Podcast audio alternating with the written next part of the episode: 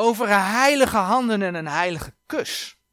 Vorige week hebben we aan de hand van een voorbeeld uit uh, Israëls geschiedenis stilgestaan bij het thema strijden om te groeien. We zagen dat het vlees lui is, maar dat de Heer van je vraagt: wil je geestelijk groeien? Dat je dat oude vlees leert opruimen. En dat kost strijd. En we hebben het nu dus niet over de ongelovigen, we hebben het over de gelovigen. Degene die de Heer Jezus als zijn of haar persoonlijke verlosser heeft aangenomen. Die de Heer Jezus kent. Die ervaart strijd.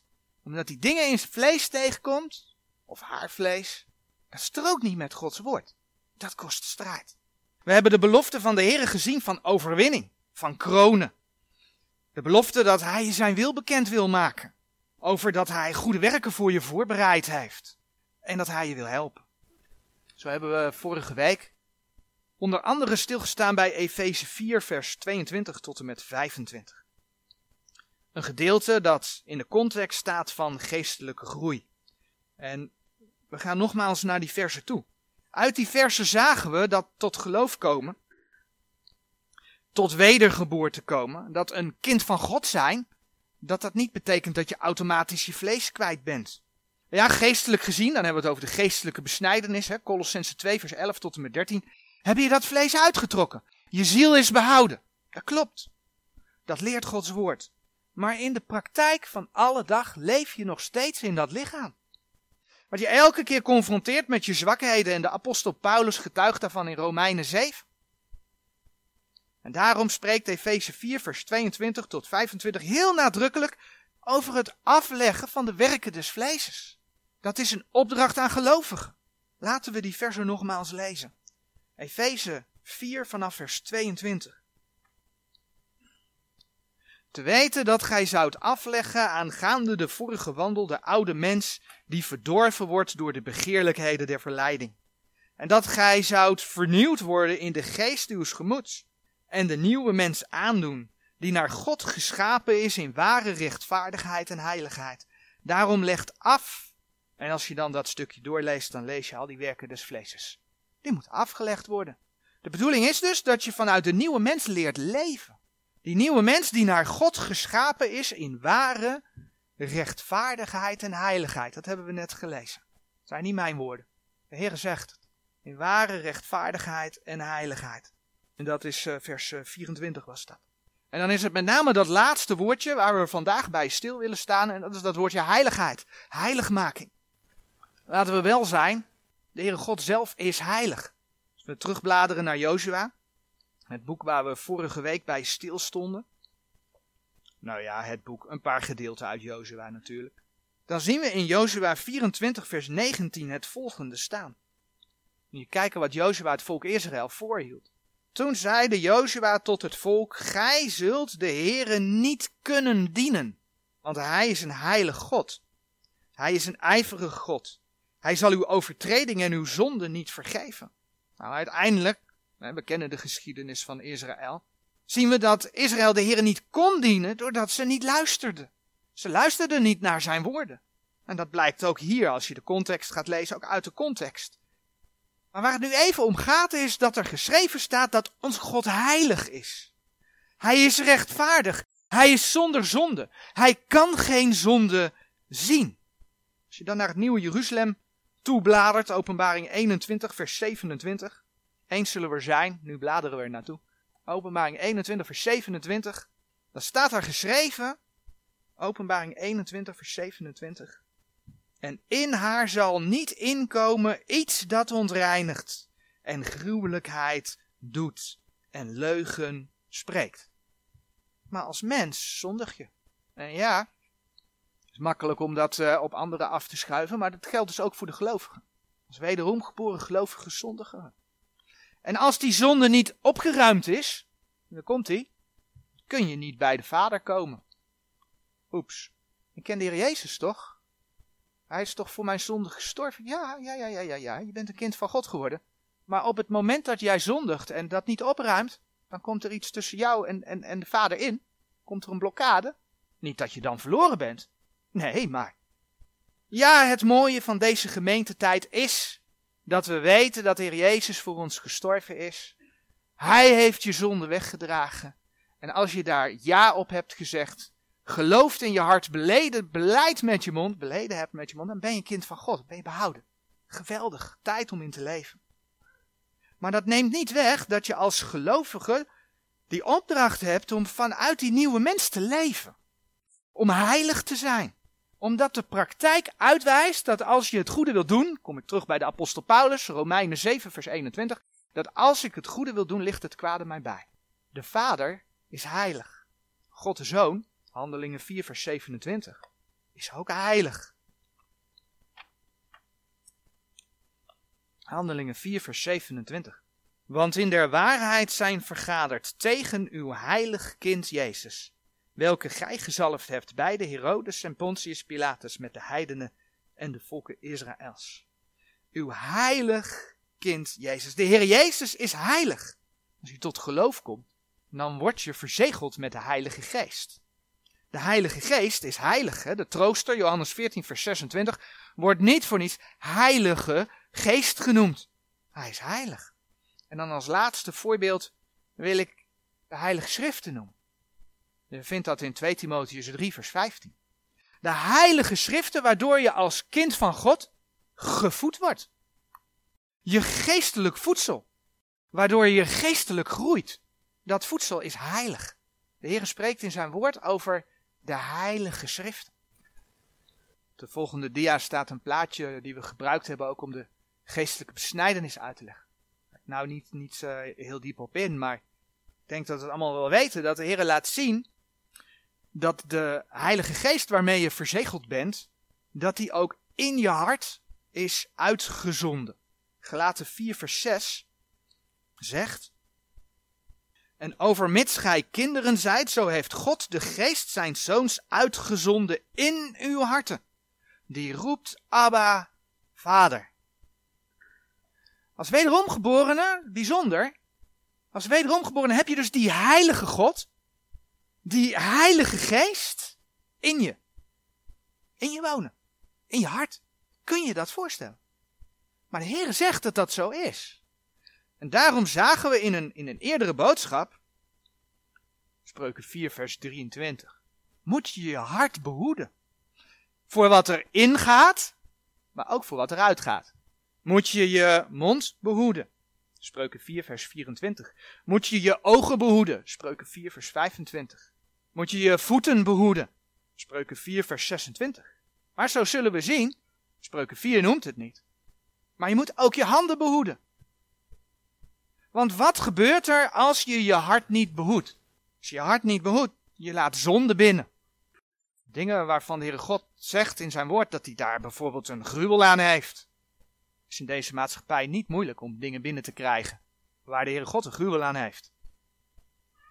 Maar we zagen zojuist dat de Heere God heilig is. En dat Hij en zonde niet samengaan. Met andere woorden, daar heb je dus de reden waarom bijvoorbeeld Efeze 4 vers 30 spreekt dat we de Heilige Geest kunnen bedroeven. Nou, enerzijds zijn we verzegeld tot de dag der verlossing. Dat is de zekerheid die de geloof geeft. Maar die Heilige Geest kun je bedroeven. 1 Thessalonicense 5 vers 19 zegt zelfs dat dat dus zo ver gaat dat je de Heilige Geest uitblust. 1 Thessalonicense 5 vers 19. Daar staat geschreven, blust de geest niet uit. Ja, je bent verzegeld tot de dag der verlossing, maar als je de Heilige Geest bedroeft of sterker nog uitblust, ja, dan kun je je dus gaan vullen met allerlei dingen, allerlei andere dingen, die niets met de Heer te maken hebben, en zelfs met onreine geesten. Je relatie met de Heer is dan verstoord. En het enige wat dan helpt, dat vinden we in 1 Johannes 1 vers 9, is vergeving vragen. Je zonde beleiden. 1 Johannes 1 vers 9. Ook geen onbekend vers. Indien wij onze zonde beleiden, hij is getrouw en rechtvaardig dat hij ons de zonde vergeven en ons reinigen van alle ongerechtigheid. Mooi hè? Niet van 1, 2, 3, 4, 5, 6, misschien tot 10 dingen. Nee, hij reinigt van alle ongerechtigheid. Als je je zonde beleidt. En als je dan 1 Johannes 1 in de, in de context leest, dan zie je dat het over een relatie gaat. Een relatie met de Heer. Dus door je zonde te beleiden herstel je de relatie met de Heer. Herstel je de gemeenschap met de Heer. Bijbels woord daarvoor. Waardoor je dus ook weer kunt wandelen tot eer van de Heer. En dan hebben we afgelopen week gezien dat de Heer de overwinning over de zonde wil geven. Die belofte is er. Maar wil je je hart behoeden? Dan komt die wil van de mens weer om de hoek kijken. Wat is jouw wil daarin? Wil je je hart behoeden? Wil je de strijd aangaan? Wil je vergeving vragen als je gezondigd hebt, iedere keer weer? Oftewel, wil je je overgeven aan Gods wil? Stel je als wederom geborene, bladeren we naar Romeinen 6, je leden goden, goden tot wapenen der gerechtigheid. Dat is Romeinen 6 vers 13. Die tekst uh, heb ik vaker aangehaald. Maar laten we ook eens kijken hoe Romeinen 6 vers 19, een stukje verderop, dat verwoordt. Ik spreek op menselijke wijze om der zwakheid uw vleeses wil. Want gelijk gij uw leden gesteld hebt om dienstbaar te zijn der onreinheid en der ongerechtigheid tot ongerechtigheid, alzo stelt nu uw leden om dienstbaar te zijn der gerechtigheid tot heiligmaking. Zie je dat daar die heiligmaking om de hoek komt kijken? Als je je leden dus gebruikt als wapenen der gerechtigheid, heeft te maken met die heiligmaking. En als je dan dus die wil hebt en Gods woorden voor waar aanneemt in je leven, dan zal de Heer je helpen. Ook dat zagen we vorige week. De Heer helpt. Ik wil daar nu een andere tekst bij, bij laten zien, die dat ook bevestigt. Filippenzen 1 vers 6. Filippenzen 1 vers 6. Vertrouwende ditzelfde, dat hij die in u een goed werk begonnen heeft, dat voleindigen zal tot op de dag van Jezus Christus. Maar ook hier speelt de wil een rol. Want als ik niet wil en ervoor kies om de wereld in te gaan, ja, dan ben ik als kind van God behouden. Echt wel. Want je bent een kind van God geworden. Geboorte wordt niet ongedaan gemaakt. Je blijft een kind van God. Maar je komt wel voor de rechterstoel van Christus.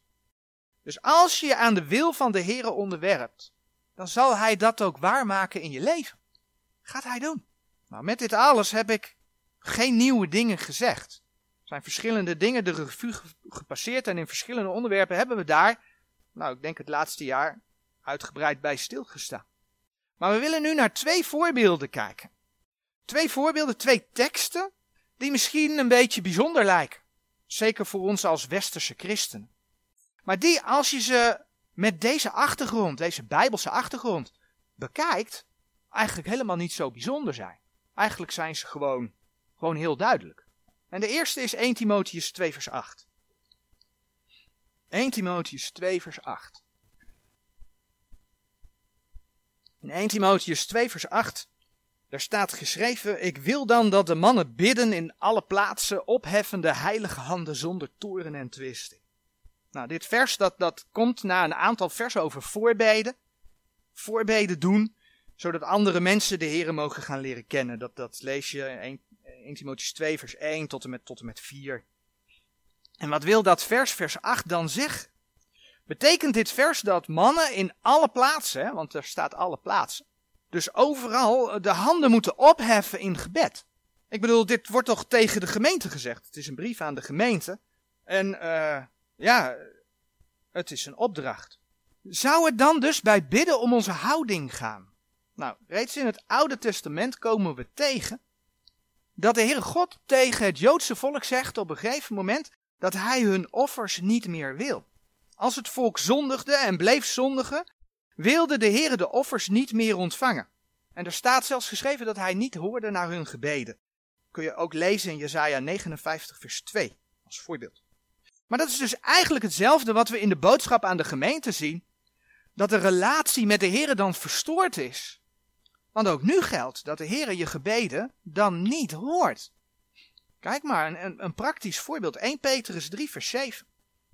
1 Petrus 3 vers 7. Gij mannen, insgelijks, woont bij haar met verstand aan het vrouwelijke vat als het zwakste, eergevende, als die ook mede-erfgenamen der genade des levens met haar zijt. Toen stond er geen punt. Er staat achter, opdat uw gebeden niet verhinderd worden. Als je als man niet heilig leeft in de relatie met je vrouw, naar Gods wil, dan worden je gebeden verhinderd. Dan kan de Heer niet naar je gebeden luisteren. Dat is wat daar staat. Zegt de Heer tegen David in Psalm 51. 51, vers 17 tot en met 19. Dat is een gebed van David nadat hij gezondigd had. En vanaf vers 17 lezen we: Heere, open mijn lippen, zo zal mijn mond uw lof verkondigen. Want gij hebt geen lust tot offeranden, anders zou ik ze geven. In brandoffers hebt gij geen behagen. De offeranden Gods zijn een gebroken geest, een gebroken en verslagen hart, zult gij, o God, niet verachten. We zien dat het hier allereerst gaat om een gebroken en een verslagen hart. Hoe staat je hart ten opzichte van de Heere God? Maar verder nog, hoe staat je hart ten opzichte van broeders en zusters? Ten opzichte van je medemens? In Psalm 51, vers 8, een paar versen terug, daar, daar lezen we nog. Zie, gij hebt lust tot waarheid in het binnenste. En in het verborgene maakt gij mij wijsheid bekend. Het gaat dus niet om uiterlijk, het gaat niet om houding, het gaat om je binnenste. Het opheffen van de handen was een Joodse gebedshouding en een Bijbelse. Je komt het op meerdere plekken tegen. Je kunt het bijvoorbeeld ook vinden in de 1 Koningen 8 vers 22, Psalm 141 vers 2. Het is niet compleet. Maar het is echt niet de enige gebedshouding. Laten we naar 1 Koningen 18 vers 42 uh, bladeren. 1 Koningen 18 vers 42. Van Elia lezen we dat hij daar als volgt bidt. Alzo toog Agab op om te eten en te drinken, maar Elia ging op naar de hoogte van Karmel en breidde zich uit voorwaarts ter aarde. Daarna legde hij zijn aangezicht tussen zijn knieën. Nou, als je twijfelt of dit een gebed is, dan zoek je Jacobus 5 vers 18 erbij en dan weet je dat Elia hier aan het bidden is. Elia, een profeet, bad voorovergebogen, op de knieën liggend en het gezicht tussen de knieën. In Psalm 63, vers 7 lezen we dat David in de nacht liggend op bed bad. Psalm 63, vers 9, uh, 7. Als ik uw gedenk op mijn legersteden, zo pijns ik aan u in de nacht waken. In 2 Samuel 12, vers 16 lezen we dat David een nacht lang biddend op de grond lag. In Marcus 11, vers 25. Marcus 11, vers 25. Daar lezen we, en wanneer gij staat om te bidden. En dan bladeren we nog even door naar Handelingen 20, vers 36, waar we over Paulus het volgende lezen. Handelingen 20, vers 36. En als hij dit, eh, de afscheid van de, van, van de ouderlingen van Efeze, en als hij dit gezegd had, heeft hij nederknielende met hen allen gebeden. Het doet er dus niet toe of je liggend, zittend, staand, geknield, lopend, met de Bijbel in je handen, of met de handen geheven tot de Heer bidt. Het gaat erom dat je met je hart bidt. Met een oprecht hart. Nou komt hij met een heilig hart. En met heilige handen. De nadruk in 1 Timotheus 2 vers 8 ligt dan ook niet zozeer op het feit dat het erom gaat dat je, dat je met opgeheven handen moet bidden. Als wel dat als je handen opheft of als je bidt, of je handen dan heilig zijn. Ik bedoel, het is niet zomaar dat je handen heilig zijn. Dat is wel mooi natuurlijk, hè? we worden heiligen genoemd. Oh, ik heb heilige handen. Maar mijn handen zijn niet zomaar heilig. En het gaat erom dat als je God aanbidt, dat je dat heilig doet. Nogmaals 1 Timotheus 2 vers 8. Ik wil dan dat de mannen bidden in alle plaatsen opheffende, heilige handen, zonder toren en twisting. Ben je heilig? In Jezaja, Jezaja 1 vers 13 tot en met 17 komen we eigenlijk hetzelfde tegen. En in Jesaja 1 vers 13 daar lezen we, brengt niet meer vergeefs offer. Het reukwerk is mij een gruwel, de nieuwe maanden en sabbatten en het bijeenroepen der vergaderingen vermag ik niet. Het is ongerechtigheid, zelfs de verbodsdagen. Uw nieuwe maanden en uw gezette hoogtijden haat mijn ziel, zegt de Heere God hier. Hè? Zij zijn mij tot een last. Ik ben moedig geworden die te dragen. En als gij lieden uw handen uitbreidt, dan heb je het opheffen van de handen, verberg ik mijn ogen voor u. Ook wanneer gij het gebed vermenigvuldigt, hoor ik niet. want uw handen zijn vol bloed. Wast u, reinigt u, doet de boosheid uw handelingen van voor mijn ogen weg. Laat af van kwaad te doen. Leert goed doen, zoekt het recht, helpt de verdrukte, doet de wees recht, handelt de twistzaak der weduwe. Zien we dat het hier gaat om het uw handen uitbreidt, dat dat hier naar voren komt, maar het gaat om handen vol bloed. En daarom heeft de Heer daar een gruwel aan de offers, aan de gebeden die men uitspreekt.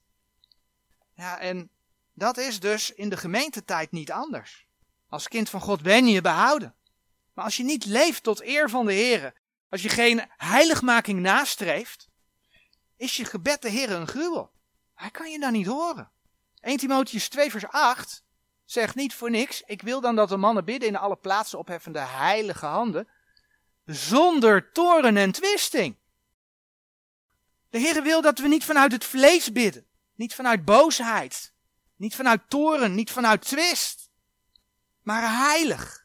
In het eerste uur noemde ik het voorbeeld van het, het, het, het we mogen bidden om Gods gerechtigheid. Maar dat bidden we niet om onze uh, beleidsmakers een hak te zetten. We bidden ook dat ze tot inkeer mogen komen. Maar ja, God gaat wel gerechtigheid doen. Als ik ga bidden uit boosheid. Heere God, maak nu een einde. Ik kan die kerel niet meer zien, kan hem niet meer horen. Beter de televisie uitzetten, maar goed. Dat is een van de strategieën die ik zelf toepas daar. niet meer naar het nieuws kijken. Als je dat uit boosheid doet, kan de Heer je niet horen. Hij wil niet dat je boos bent over. Niet uit toren, niet uit twisting. Heilig. Ja, en voor je handen, voor je handen geldt dan, wat heb je met die handen gedaan? Heb je je handen gesteld tot wapenen der ongerechtigheid, hè? Romeinen 6 vers 13? Heb je je handen gebruikt om te slaan? Dat is een hele duidelijke, hè? Heb je iemand uh, je handen gebruikt om een mail te typen met het doel om iemand pijn te doen? Schijnt online erg modern te zijn vandaag. Heb je je handen gebruikt om s'avonds met de afstandsbediening van de ene film naar de andere film te zeppen? Er zit vaak niet veel goeds in tegenwoordig. Heb je je handen gebruikt om weer het volgende biertje naar binnen te werken? Of heb je je handen gebruikt om, om weer zoveel meer spullen te krijgen? Begeerigheid. Of heb je je handen gesteld tot wapenen der gerechtigheid? Heb je je handen gebruikt om Gods woord te pakken en de Bijbel gaan lezen? Heb je handen gebruikt om een traktaatje uit te delen? Heb je je handen gebruikt om voor je gezin te zorgen? Heb je je handen gebruikt om in de gemeente te helpen? Heb je je handen gebruikt om bij iemand in nood de helpende hand te bieden? Aangezien het vlees trekt, doe je niet altijd de juiste dingen met je handen. Het is gewoon een feit, we blijven mensen. Degene die dat wel beweert, die moet toch nog wat vaker in Gods woord gaan lezen. Maar wij doen niet altijd de juiste dingen. Dus ook niet met je handen.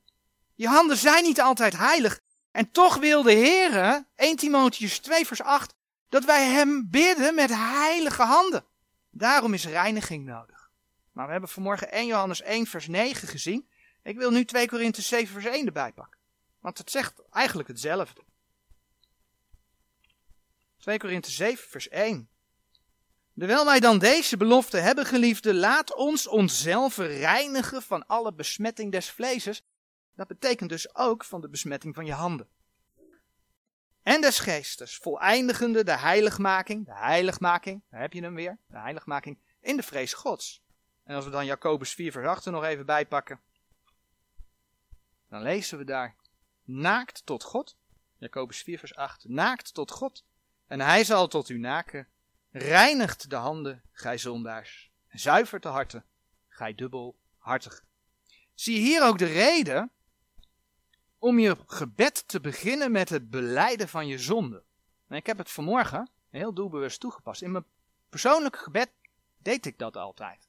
Alleen als ik dan hier s ochtends de dienst begin, dan ben ik dat niet gewend. Danken we de Heer dat we hier zijn. Maar wat is er ondertussen gebeurd? Ik kan verkeerde gedachten gehad hebben. En dat geldt voor ons allemaal. En de Heere God wil dat we Hem heilig naderen. Dus ik als mens die fouten maak, jij als mens die fouten maakt, maar die wel de wil heeft om tot eer van de Heer te leven, kan dat opruimen door de zonde te beleiden. Vergeving te vragen. Zeggen, Heer, u weet dat ik zo ben, maar dank voor wat u geeft. Dank dat u mij reinigt. Want de Heere kan je niet horen op het moment dat er zonde in je hart of in je leden zijn. Dat over de handen. Maar er is nog zo'n vers. Een vers dat spreekt over iets dat heilig is. Nou, ik spreek over iets. De titel van, uh, van de dia is duidelijk, dus jullie weten al lang dat ik het over een kus ga hebben. De Bijbel spreekt namelijk op een aantal plaatsen over een heilige kus. En als voorbeeld bladeren we naar Romeinen 16. Romeinen 16, vers 16. In Romeinen 16, vers 16, daar lezen we het volgende. Groet elkander met een heilige kus. De gemeente van Christus groeten u lieden. Nou, dat kun je ook in andere plekken vinden, namelijk 1 eh, Korinthe 16, vers 20, 2 Korinthe 13, vers 12, 1 Thessalonicense 5, vers 26. Wat moeten we met dat vers? Nou, lezen wat er staat natuurlijk, klopt. Maar betekent dit dat wij vanaf nu, nu we dat gelezen hebben, dat we elkaar elke keer moeten begroeten met een heilige kus, met een kus? Ik bedoel, het is een opdracht opnieuw en het staat in de brief aan de gemeente. Toch? Nou, wij moeten hier beseffen dat het in Oosterse landen heel normaal is dat mannen elkaar begroeten. Het gaat om een begroeting. Dat mannen elkaar begroeten met een kus. Dat vrouwen elkaar begroeten met een kus. En ja, deels kom je dat dus ook hier in Westerse landen tegen. Nou, in de Bijbelse tijd was dat in Israël dus ook normaal. Maar ik kan je vast uit de droom helpen. We gaan hier niet verplicht kussen. Er komt niet een regeltje vanaf nu. Begroeten wij elkander met een kus. Elke zondagochtend. En één keer in de twee weken op de woensdagavond. En ja, altijd. Dus ook als je elkaar dus tussen de week ook nog een keer opzoekt. Dat gaan we niet doen. Maar net als bij die handen ligt hier niet de nadruk op het kussen. Gij zult elkaar een kus geven. De nadruk ligt erop dat die kus, dat die begroeting heilig hoort te zijn. De begroeting moet heilig zijn. En in Gods woord vinden we daar natuurlijk voorbeelden van. Begroetingen van kussen die niet heilig zijn. Het, het, ik denk het voorbeeld wat iedereen kent. Ja, hij staat ook op de dia, maar ik denk als dat plaatje er niet had gestaan, dat iedereen hem ook had geweten. Dat is Judas. Judas die verriet, die verraadde de Heer Jezus met een kus. Dat was geen heilige kus, dat was een onheilige kus. Judas' begroeting was niet oprecht. Die was niet heilig. En als we dan naar 2 Samuel bladeren, komen we nog een voorbeeld tegen. 2 Samuel 20.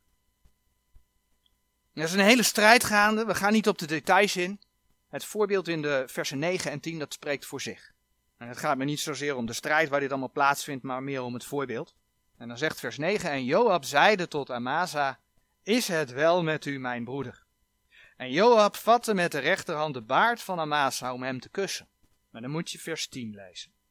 En Amasa hoede zich niet voor het zwaard dat in Joabs hand was. Zo sloeg hij hem daarmee aan de vijfde rib. En hij stortte zijn ingewand ter aarde uit, en hij sloeg hem niet ten tweede male. En hij stierf. Hier zie je dus dat iemand begroet, maar ondertussen degene die begroet wordt, vermoord. Een tijdje terug stonden we stil bij het thema wandelen in oprechtheid. We zagen dat de Heer niet wil dat we dubbelhartig zijn. Dat we ons niet anders voordoen dan dat we zijn, dan wie we zijn. De Heer wil dat we eerlijk zijn. Dat we eerlijk met elkaar omgaan. En dat zien we dus ook hier bij die heilige kus, die heilige begroeting. Heb je geen bijbedoeling als je iemand groet? Dicht je iemand geen kwaad toe, terwijl je dezelfde persoon gewoon begroet? Zijn je begroetingen oprecht? De God wil dus dat je daarin ook heilig bent. Nou, ik hoop dat duidelijk wordt dat het in deze teksten niet zozeer gaat om het opheffen van de handen, wat, wat, wat een manier van bidden is. Hè? Een, een, dat kan. Maar dat het niet zozeer gaat om het opheffen van de handen als een opdracht, of het geven van een kus als een opdracht, maar wel dat je in je gebed heilig bent. Wel dat je je handen in het gebed, dat je handen in het gebed heilig behoren te zijn. Dat de begroeting naar je broeders en zusters, naar je medemens ook, dat dat heilig is. Want de Heere God is heilig. Je voedt je als het goed is met heilig voedsel. Gods woord. Die heilige God woont in je. En die heilige God vraagt ook van zijn kinderen heiligheid. In het gebed, maar zelfs in de begroeting. Hij wil je daarbij helpen. Maar dan komt hij opnieuw, sta je ervoor open. Wil je heilig leven? Nou, en daarbij klinkt dan dus de waarschuwing dat als je antwoord nee is, want dat kan hè, er wordt niks opgelegd. Het is een wilsbeslissing. Dat je de Heilige Geest bedroeft of uitblust. Dat de Heer je gebeden niet kan en wil horen. Je groeit geestelijk dan ook niet meer. Maar beleid je de Heer je fouten. Buig je voor zijn wil, zoals geopenbaard in zijn woord. Dan hoort hij je gebeden. Dan helpt hij je om te leven tot eer van zijn naam. En om geestelijk te groeien. Terwijl, zoals 1 Petrus 1 vers 16 zegt, daarom dat er geschreven is, zijt heilig, want ik ben heilig. Amen.